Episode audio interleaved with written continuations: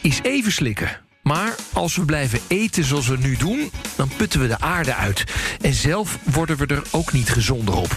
Kortom, ons dieet moet op de schop. De vraag is hoe dan? Een groep internationale wetenschappers ging met die vraag aan de slag... en kwam op basis van allerlei berekeningen in 2019 met het Eat Lancet Menu. Vereist nogal een verandering als je het vergelijkt met hoe we nu eten. Want uh, wat, wat is de verandering dan? Het dieet uh, bestaat volgens mij voor de helft uit uh, groenten. Je mag nog maar 100 gram rood vlees en een beetje vis en een beetje kip of wit vlees.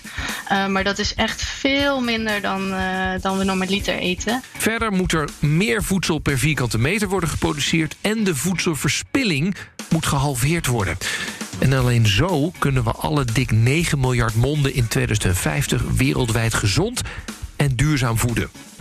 Dit is Voeding van Morgen. In iedere aflevering praat ik, Rens de Jong, met wetenschappers, ondernemers en mensen uit het bedrijfsleven over wat de pot in de toekomst schaft. En deze podcast wordt mede mogelijk gemaakt door Unilever. En in deze aflevering zoeken we het antwoord op de vraag... wat moet er gebeuren om ervoor te zorgen dat wij, de consumenten... het dieet van de toekomst ook echt gaan volgen? Nou, het mooiste zou zijn als we op een of andere manier uh, wetgeving of, of, belasting of uh, in bestaande structuren uh, in kunnen bedden dat uh, bedrijven aan duurzaamheid en gezondheid moeten werken. Mm -hmm. En dat ze daar jaarlijks op, op rapporteren en monitoren. Want zeg nou zelf, is toch best lastig, toch? Je wil best gezond en duurzaam eten. Maar ja, als het puntje bij paaltje komt... grijp je toch weer snel naar die ongezonde snack. De mensen als burger vindt heel belangrijk dat alles goed geregeld is. Maar als consument en als je de portemonnee moet trekken... dan geldt toch vaak, uh, ja, de prijs is ook belangrijk. En ook, uh, ja, we hebben haast en we moeten snel boodschappen doen. En we weten niet wat we vanavond moeten eten, dus laten we maar snel wat doen. Ja. En uh, dat botst nog wel eens met elkaar. Ja, hoe werkt dat nou precies in ons brein? En hoe kunnen we gestimuleerd worden om toch de juiste keuzes te maken? Maar ja, dan moeten die, die, die Twixen en die, uh, laten we zeggen, die Red Bull-achtige drankjes natuurlijk niet bij de kassa staan. Want, want dan voel ik me hartstikke lekker en dan denk ik, chop ik toch nog eventjes een bommetje calorieën mee, dat wil je niet weten. Ja, die, die, dat is wel echt een, uh, een, een impuls uh, aankoop op het laatste moment. Als iemand helemaal cognitief is uitgeput van al die keuzes.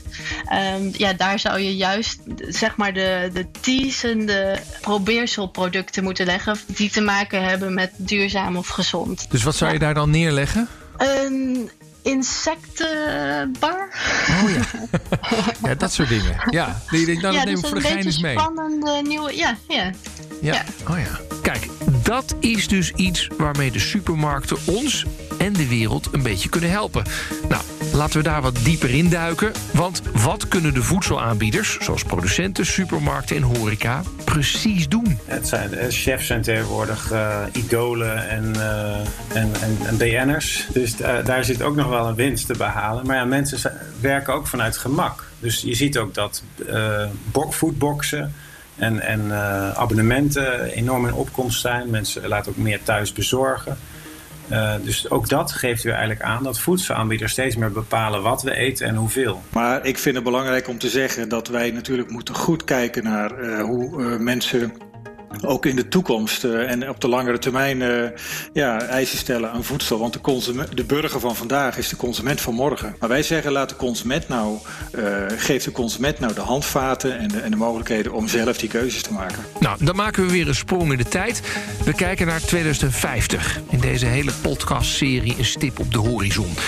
Eten we dan echt veel meer volgens dat Eat Lancet menu? En hoe ziet de supermarkt er dan uit? Als er nog een vorm van een supermarkt is, zal dat veel meer een experience zijn. Een, een, ja, iets waar je naartoe gaat voor de ervaring. Je hoort het allemaal in de vijfde aflevering van Voeding van Morgen. Je weet het hè, een betere wereld begint bij jezelf. Ken hem nog? Slogan uit de jaren 90. Hij moest burgers aanzetten tot milieubewuster leven. Nou, de slogan is weer net zo actueel als toen. Want als we een betere wereld willen, dan moeten we anders gaan eten. Nou, laten we eerst eens even hand in eigen boezem steken. Want dat Eat Lancet menu, met zoveel mogelijk groenten en zo weinig mogelijk vlees... is dat nou wel haalbaar voor consumenten zoals ik...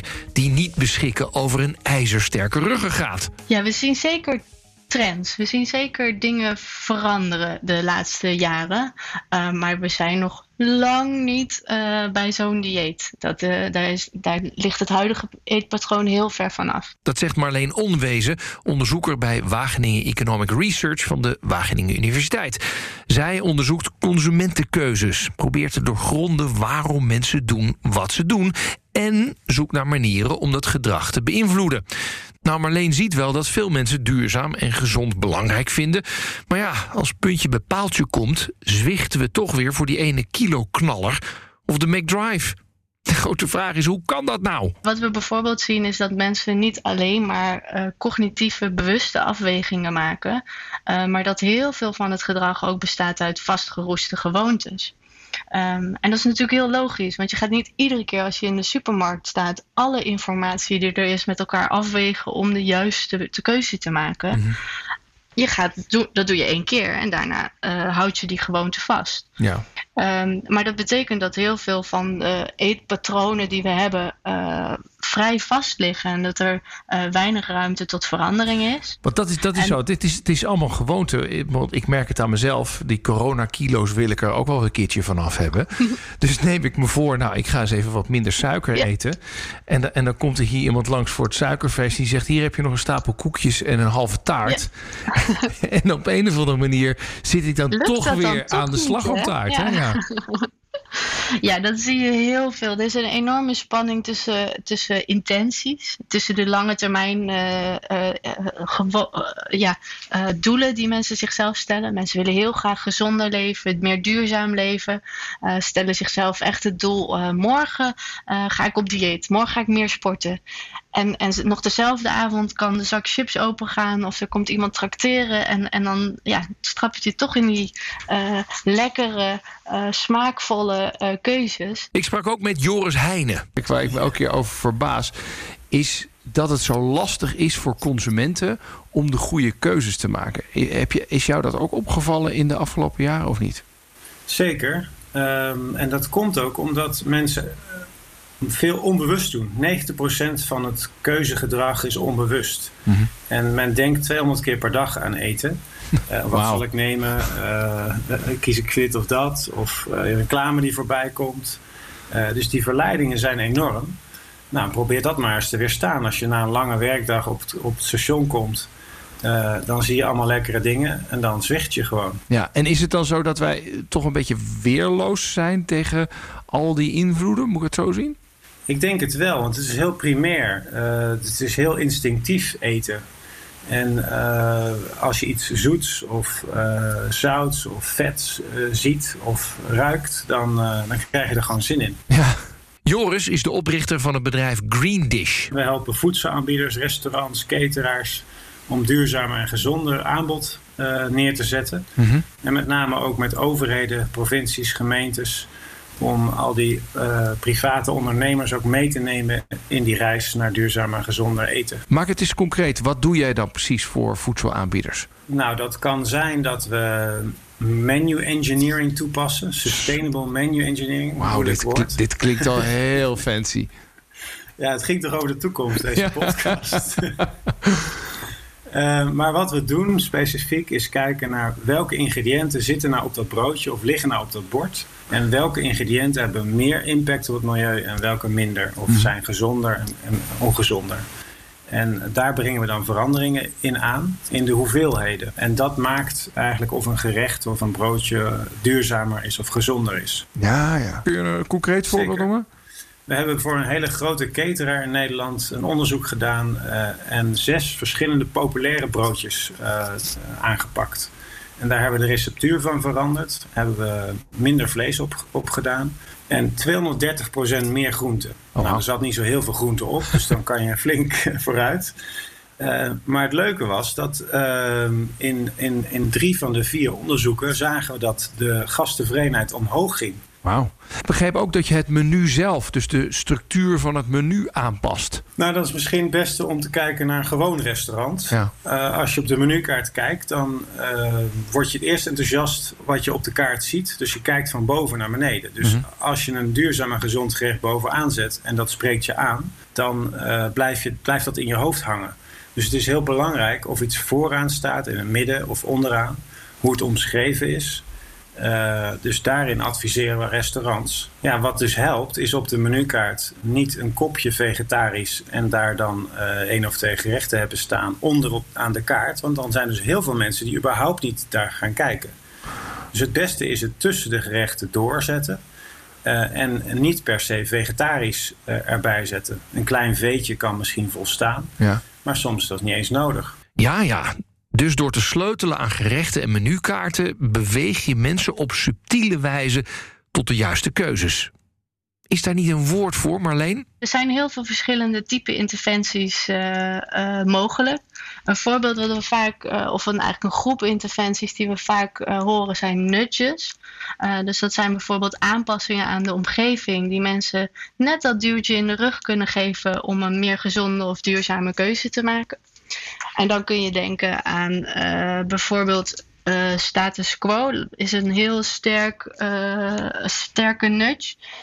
En daarmee kun je eigenlijk zelf, dezelfde keuzes op een andere manier framen, waardoor mensen andere keuzes gaan maken. Geef eens een voorbeeld. Bijvoorbeeld een burger die standaard meatless is en je moet echt vragen om de vleesburger. Oh ja. En op dat moment dat je daar zeg maar de status quo van maakt, dan zie je dat echt het merendeel van de mensen die status quo kiest. Stel je voor, jij zou, jij zou baas van een supermarkt zijn en er is, je hebt ook nog de opdracht om dat uh, gezonde dieet uh, voor, voor de aarde en voor de mens uh, zoveel mogelijk door te voeren. Wat, hoe zou jij ingrijpen in de supermarkt? Hoe zou mijn ideale supermarkt eruit ja. zien? um, ik zou denk ik gebruik gaan maken van sociale normen. De sociale omgeving, dat is ook een heel sterk me mechanisme. Mensen die denken altijd, ik maak eigenlijk zelf mijn keuzes en, en, en niemand heeft daar invloed op. Uh, dat, dat is echt mijn individuele keuze. Maar in de praktijk zien we als we analyses uitvoeren dat die sociale omgeving ontzettend effectief is. Maar geef eens een voorbeeld dan. Is, het, is er van de meeste mensen kopen ja. dit? Of uh, hoe werkt het dan? Ja, dus uh, wat mensen nu bijvoorbeeld uit, als informatie uit het schap halen, is dat, dat er heel veel vlees ligt.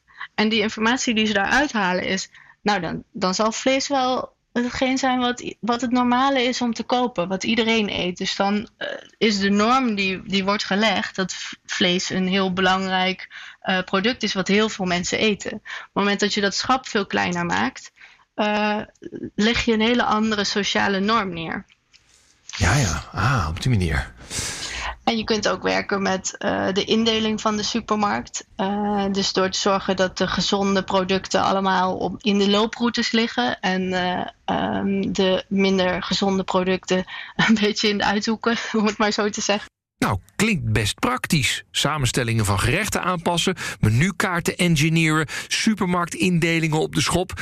Maar ja, staan de voedselaanbieders wel te springen om dit soort ingrepen? Nou, daar praten we straks over verder. Eerst nog eventjes, is er dan niks wat ik zelf kan doen... om een einde te maken aan mijn ongezonde en niet duurzame keuzes? Wat bijvoorbeeld kan helpen als je, als je weet dat je dat vaak doet... is dat je implementatie-intenties gaat vormen. Dus dat je, dat je zelf gaat helpen om uh, in van die moeilijke momenten de keuzes te maken die je eigenlijk wil maken. Dus stel jij wil, jij zegt net, nou, ik wil gezondere keuze maken, ik wil geen suiker meer eten. Dan kun je met jezelf afspreken, de volgende keer als iemand mij een uh, uh, suikerhoudende tractatie aanbiedt, uh, dan sla ik deze af. Of dan neem ik een stuk fruit. Dan maak je het heel concreet voor mm -hmm. jezelf. de volgende keer als ik bij een supermarktschap sta, dan kies ik dit product en neem ik geen zak chips mee. En waarom werkt, zeg maar, langer termijn, ik wil graag afvallen minder goed? Uh, maak je het nooit concreet voor jezelf. Dus dan blijf je hangen in de abstracte uh, intenties. Um, blijf je, verval je heel snel in oude, um, concrete gewoontes. Ja, ja, volgens mij was het vroeger woensdag gehaktdag en, en vrijdag vis bij ons thuis. Maar dat is dan ook een soort intentie. En die zou je dan ook kunnen omdraaien van... nou, vrijdag doen we vegetarisch of zo. Ja, Meatless Monday. Oh, of nou, voilà. Ja. Volgens mij bestaat die. Ja. Ja, ja dat zou eh, heel goed kunnen werken om, eh, als je het hebt over het minderen van vlees, dat je op die manier helpt om van die lange termijn intenties concreet te maken. Ik heb het voor mezelf, dat vind ik het erger eraan... is dat je als je inderdaad haast hebt... En eh, bij ons zijn we met z'n vijf thuis. Dan denk je, oh ja, er is haast. Weet je, einde van de dag. We hebben natuurlijk weer niet gepland, want dat doen wij nooit. Dat is de key, hè? En, en, en dan is, Planning. ja, dat is echt verschrikkelijk. Zo, dan zegt mijn vrouw: Joh, Rens, het is half zes. Zou jij niet even naar de supermarkt gaan? Dan ren ik naar die supermarkt. En dan, ja, dan begint bij mij gewoon het jaren 70 AVG'tje in me op te komen. Ja, meer, Ja. meer weet ik dan niet, weet je wel? Ja. En, dan, en dan kom ik ook nog, het eerste, nou, ik zie wel groenten, maar daarna komt net vlees. En dan loop ik door naar het vleeschap. Ik denk, nou, ik, ik pak hier maar wat. Weet je wel, weet ik wel, slavink. Ja. Terug naar de groenten. En dan heb ik iets gedaan. En dat gebeurt dus allemaal in, in, in, in een kwartier. Want ja, die kinderen die hebben honger. Maar ja, dat is ongeveer, is ongeveer waar ik tegenaan loop. Maar ik weet Ja. niet hoe je dat wegnudgt. Heel herkenbaar. Nou, dat is dus ook niet weg te nutchen. Dus je moet eigenlijk toch die planning, toch die weekboodschappen of een paar dagen vooruit denken. Of in ieder geval opstaan en bedenken, waar heb ik vanavond zin in? Wa- Wat zou nou goed zijn? En dat dan in ieder geval meenemen in je eh, supermarkt safari. Zodat je niet helemaal on the spot gaat bedenken van, nou oké, dit dan maar. Ja, dan, ga- dan ga ik wel heel erg op, een- op, mijn- op mijn lizard brain ga ik dan, eh, ga ik dan inkopen doen. Kan het niet leuk zijn dan om bij het ontbijt met elkaar al te bedenken van, nou welke groenten gaan we vanavond ja, eten? Ja, wat, zoiets, eh, ja. Ja, zoiets, hè? Wat Ja, staat er op het menu? ja nee, het is wel een goeie.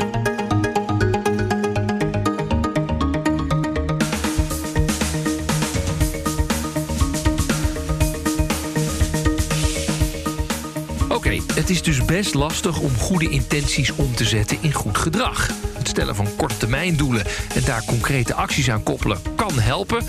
Mark my words, morgen neem ik geen taart als er wordt getrakteerd op het werk. Hoop ik. En aanpassingen aan onze voedselomgeving geven subtiele duwtjes in de goede richting. Maar die moeten wel komen van de voedselaanbieders. Denk aan voedselproducenten, supermarkten en horeca. De vraag is dan, wat is de verantwoordelijkheid van deze spelers en wat willen zij daarmee? Ik stel jullie even voor aan Mark Jansen. Ja, mijn naam is Mark Jansen. Ik ben directeur van het CBL en dat is de branchevereniging voor supermarkten. Nou, wij, wij denken dat wij als eh, supermarktbranche als laatste schakel in een hele lange, soms hele lange keten van voedselproductie, eh, dat wij daar een behoorlijk belangrijke rol in hebben. En ik denk ook dat je kunt zien dat de supermarkt eh, de afgelopen jaren veranderd is. Er is veel meer vers bijgekomen. Vroeger zat alles in pakjes en zakjes en als je nu een, een supermarkt, een moderne winkel binnenkomt, ja, dan loop je eigenlijk tegen de meest fantastische, mooie eh, producten aan. Allemaal vers.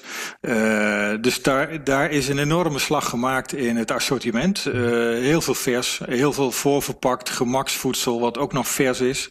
En ja, dat is een trend. Duurzaam en gezond is een enorme trend waar we de consument graag bij willen helpen. En dat wil hij vooral doen door veel informatie met klanten te delen en van alles uit te leggen. Bijvoorbeeld waarom duurzame producten soms duurder zijn. Is onze, onze verantwoordelijkheid die we hebben als supermarkt. Om mensen te vertellen dat sommige producten beter zijn. Of eh, andere kenmerken hebben. Beter voor het milieu zijn. Of gezonder zijn. Eh, en dat moeten we ook mensen vertellen. En als daar ja, een kostprijsverhoging aan ten grondslag ligt. Omdat boeren bijvoorbeeld eh, minder efficiënt kunnen produceren. dan moeten we dat ook kunnen uitleggen. En als mensen dan zeg maar het verhaal erbij krijgen. En dan kunnen ze ook heel vaak toch wel denken van het is iets duurder. Misschien moet ik er iets minder van kopen. Maar ik koop dit toch. Ondanks het feit dat, eh, dat de prijs hoger is. Maar ook het, het grotere verhaal vertellen van hoe werken ketens. Wat zijn effecten van voedsel. eh, en dat, dat grotere verhaal vertellen. Daar moeten wij beter in worden. Omdat eh, voedsel zo belangrijk is voor mensen. Maar ook een, de productie ervan een groot beslag legt op, op de natuur en op de, de, ja, de, zeg maar, het le de leefomgeving van, van ieder. Maar wat bedoel je te zeggen met wij moeten beter dat verhaal vertellen? Wa- Waar, waar schort het dan nu aan? Nou ja, kijk, weet je, als je vlees eet bijvoorbeeld, eh, wat ik ook doe, wat ik eh, gewoon lekker vind, dan moet je weten dat daar een hele keten eh, vooraf aan gaat. Niet alleen de, de, de, de pluimveehouders of de varkenshouders in Nederland, maar ook bijvoorbeeld dat veevoer geproduceerd wordt in, noem eens wat, Brazilië. En dat dat druk geeft daar op eh, de natuurlijke omgeving en op de biodiversiteit. Ja. Uh, dus dat, dat, hè, maar om dat dus nou op de verpakking te gaan zetten, Nee. ik denk niet dat, dat, dat jouw eh, eh, leveranciers en eh, jouw klanten, zeg maar de supermarkten zelf, daar heel blij van worden als we dat erop gaan zetten, toch? Nou, op de verpakking is vaak heel weinig plek uh, over om dat goed te vermelden, want we moeten al heel veel verplicht vermelden. Maar op websites en uh, zeg maar op de meer corporate, hè, dus zeg maar uh, in de jaarverslagen kun je dat goed uitleggen. Oké, informatie over ons voedsel op de corporate website en in jaarverslagen. En verder voeren veel supermarkten een zogeheten Nutri-score in. Dat is een systeem met kleurtjes dat aangeeft hoe gezond of ongezond een product is. Ja, er zijn natuurlijk al allerlei keurmerken voor duurzaamheid, een beter leven, fair trade. Heel veel informatie. De vraag is, is dat nou wel de juiste oplossing? Dat legde ik voor aan consumentengedragonderzoekster Marleen Onwezen. Ja, we zien dat uh, überhaupt als je het hebt over interventies, dat informeren uh, echt alleen werkt voor heel specifieke groepen. Uh, dus, dus heel vaak wordt er teruggevallen op, op het geven van informatie. Uh, door, door heel veel verschillende partijen. Maar ja, informatie werkt voor mensen die, die wel al willen. Die al heel erg bereid zijn om gezond of duurzaam te leven. Maar nog niet weten hoe.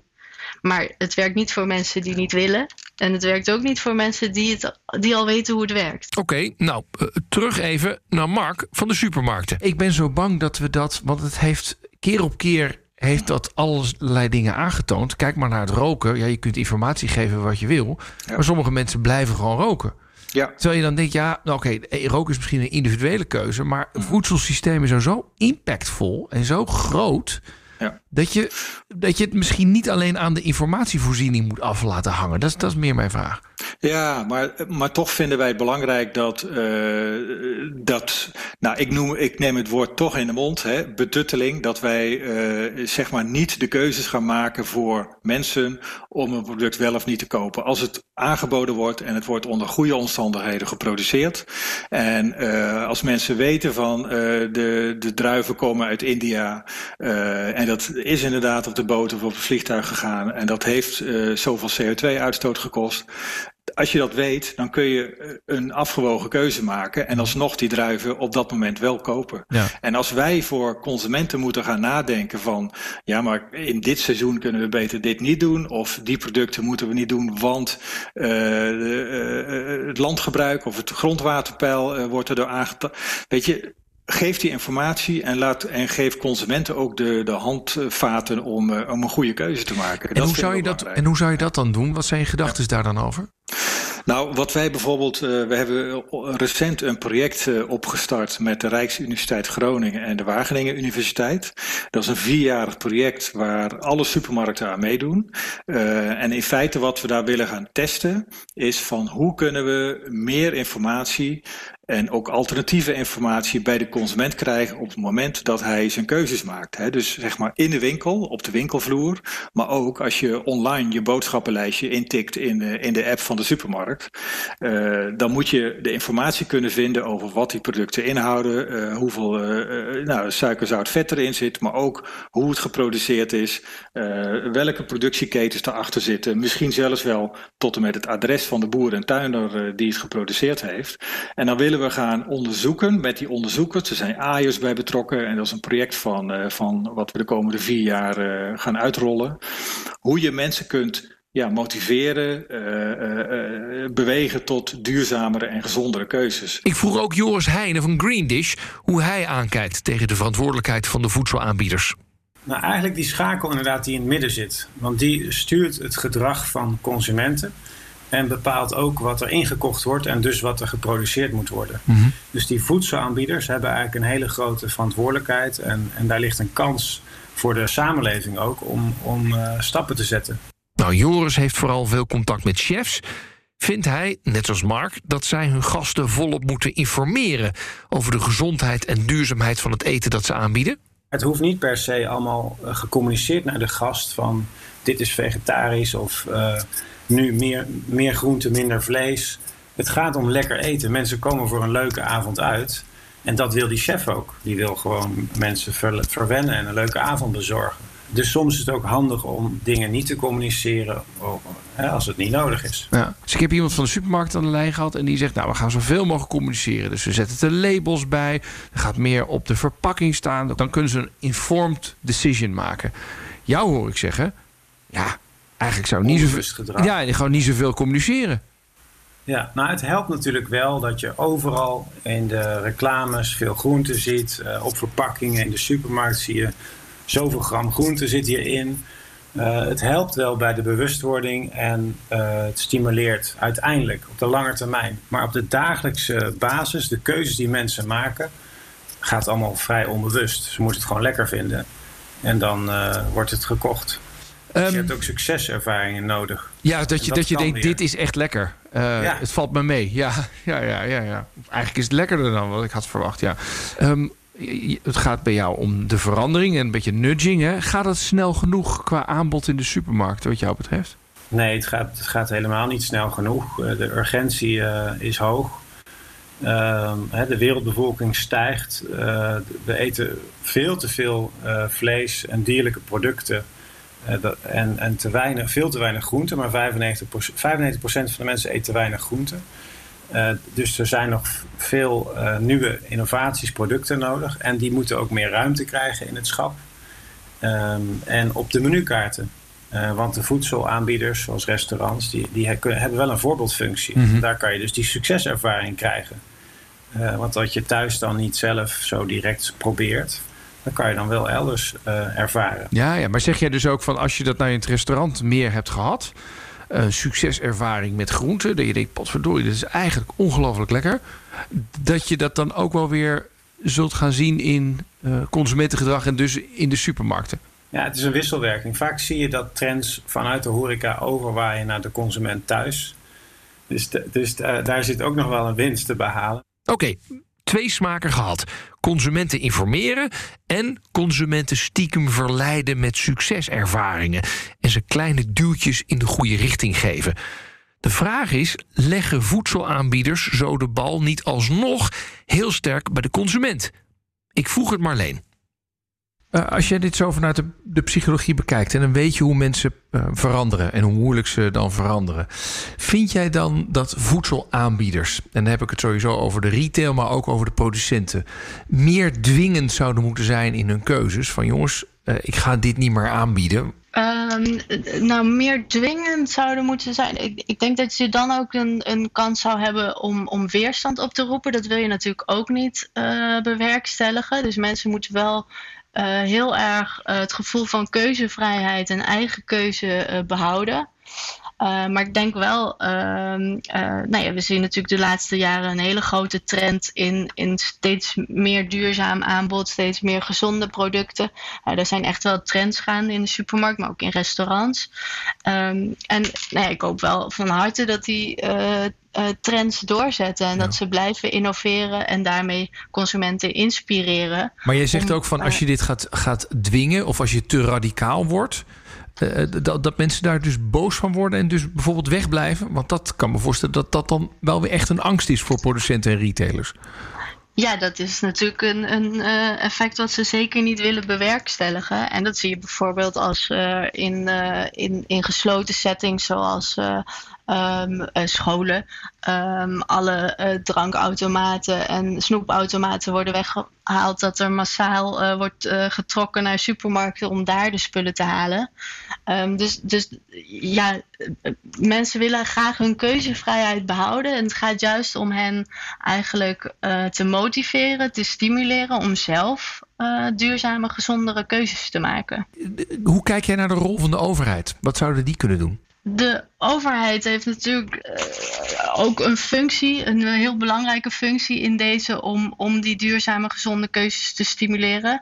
Um, en ja, die kan zeg maar ook uh, de supermarkten, de restaurants, al die verschillende aanbieders uh, helpen uh, om, om die innovatie en, en dat aanbod te verhogen.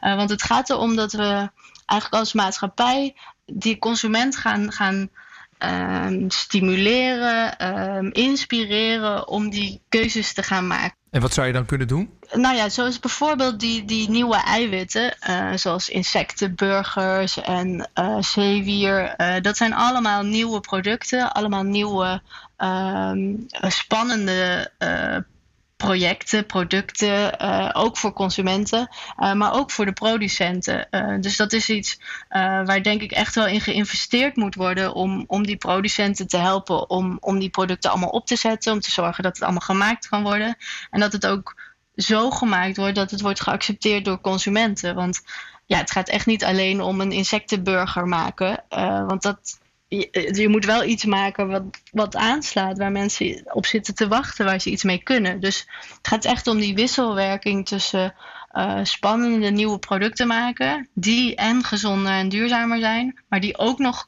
geaccepteerd worden door consumenten. Ja, Joris werkt veel samen met overheden en hij ziet dat die overheden vaak niet goed weten hoe ver ze kunnen en moeten gaan in het stimuleren van gezonde en duurzame voedingskeuzes. En zou, zouden de overheden daar meer in mogen sturen? Ik denk het wel, zeker. En waar zouden ze dat kunnen doen?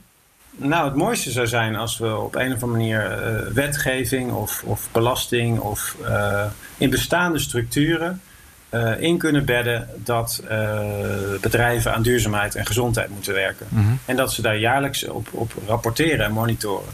Maar dan kan je dus elk jaar weer stappen zetten. Vlees, vleestaxen, suikertaxen, moet ik daar dan aan denken? Ja, dat, ik denk dat het er wel gaat komen. En dat het misschien wel sneller is dan we nu denken.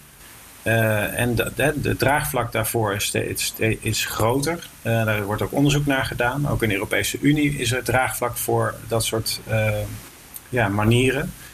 maar ik denk dat het wel belangrijk is, omdat die prijs... Hè, mensen kiezen op smaak, prijs en gemak. Nou, als die prijs nog steeds zo bepalend is en dat gezond en duurzaam duurder is dan ongezond voedsel en, en, en, en niet duurzaam voedsel, dan, dan is het een oneerlijke concurrentie. En dat komt omdat het eten eigenlijk niet de echte prijs kent. Mm. Dus er zijn allerlei factoren die niet meegewogen zijn in een product. Ja. Dat, dat gaat gebeuren. En zeker als je over hè, 2050 hebt, dan, dan zal het, het eten duurder worden. En zal ook een verschuiving zijn in duurzame en, en gezonde producten zullen goedkoper zijn dan uh, ongezonde en niet duurzame producten.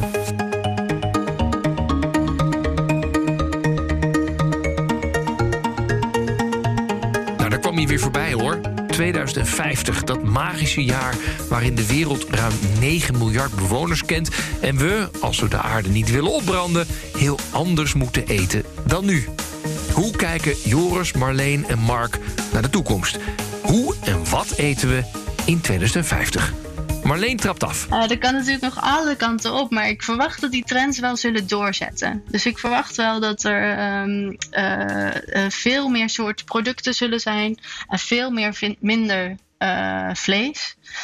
dus dat we eigenlijk een heel ander aanbod zullen zien. Maar dat ook dat de supermarkt zoals we die nu kennen, dat die, ja, dat die niet meer bestaat. Dat dat er echt wel heel anders uit zal zien. Uh, heel veel online. Um, en, en als er nog een vorm van een supermarkt is, zal dat veel meer een experience zijn. Een, een, ja, iets waar je naartoe gaat voor de ervaring, maar niet, niet om boodschappen te doen, want dat, dat laat je gewoon bezorgen of dat komt zelfs automatisch bij je thuis. Uh, en een andere trend uh, waarvan ik verwacht, waarvan ik veel verwacht, is de personalized nutrition. dus ik verwacht dat mensen ook veel meer dieet op maat tot zich gaan nemen. Dus wat we nu zien in de voedingsadvies is dat er, er wordt nog wel onderscheid gemaakt in mannen en vrouwen. Um, maar al die andere uh, ja, specifieke bronnen aan voeding die mensen nodig hebben, ja, dat zien we eigenlijk niet terug in het advies. terwijl ja, ik beweeg misschien veel meer dan iemand anders, of juist veel minder, en heb daardoor heel andere voeding nodig. Dus ik verwacht dat daar ook nog wel heel veel stappen in gezet gaan worden, zodat mensen eigenlijk veel specifieker gaan eten wat voor hen nodig is. Hey, personalized nutrition. Dat horen we niet voor het eerst. Aflevering 3 van Voeding voor Morgen sprak ik er uitgebreid over met onder andere Berry Kriesels van het genetica bedrijf Omnigen.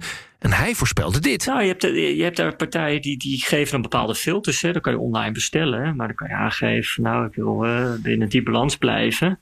En je hebt er ook allerlei slimme apps die dan weer gekoppeld kunnen worden aan allerlei webshops.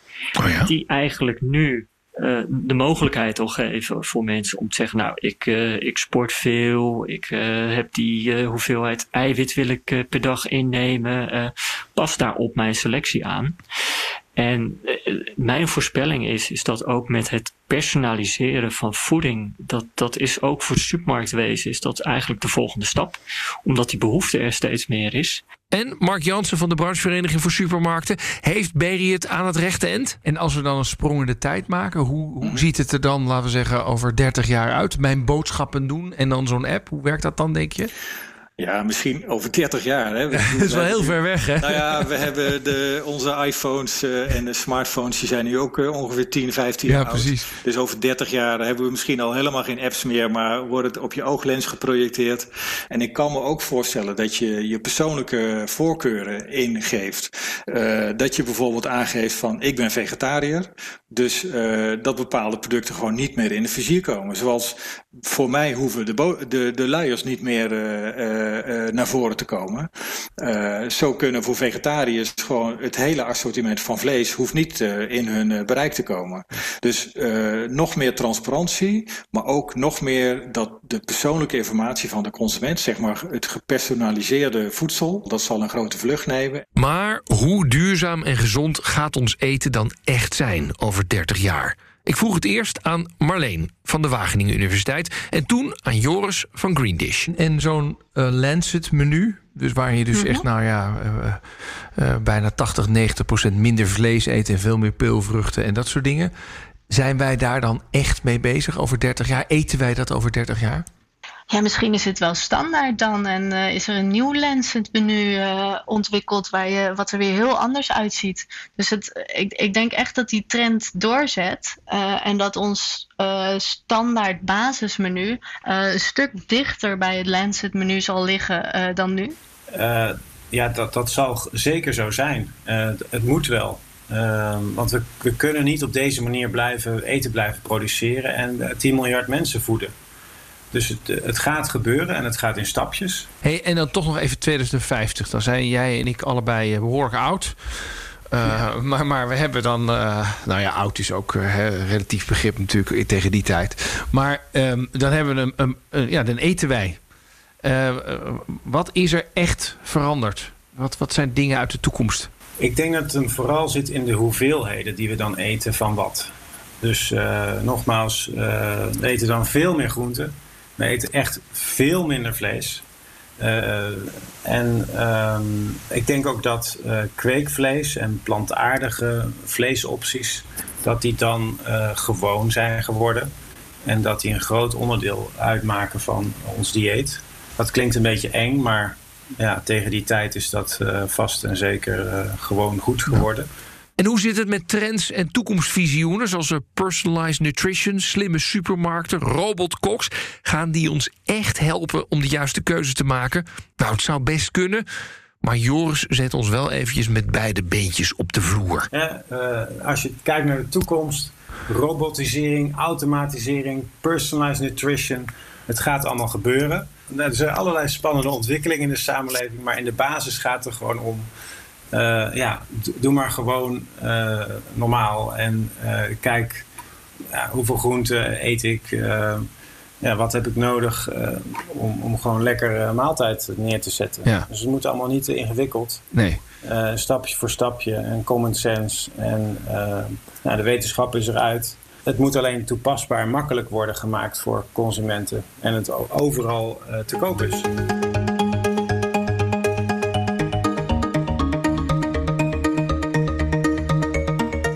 Concluderend uit deze hele podcast. Het is eigenlijk best simpel. Als wij, consumenten, gezond en duurzaam willen eten...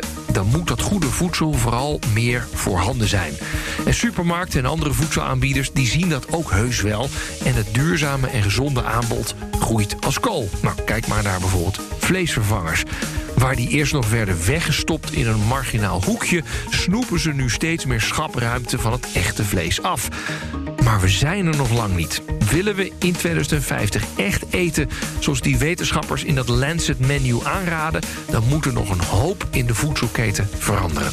En dat vereist moed van de overheden, van grote bedrijven... en misschien ook een beetje van jezelf. Jazeker, sta jij de volgende keer met hongerklop bij de kassa... laat dan die chocoladereep links liggen... en grijp gewoon naar een insectenbar. Dit was de vijfde en voorlopig laatste aflevering van Voeding voor Morgen. Heb je nou zin in meer? Kun je even terugluisteren. Andere afleveringen vind je allemaal op bnr.nl slash voeding. En natuurlijk in je favoriete podcast-app. Tot de volgende keer. Dag.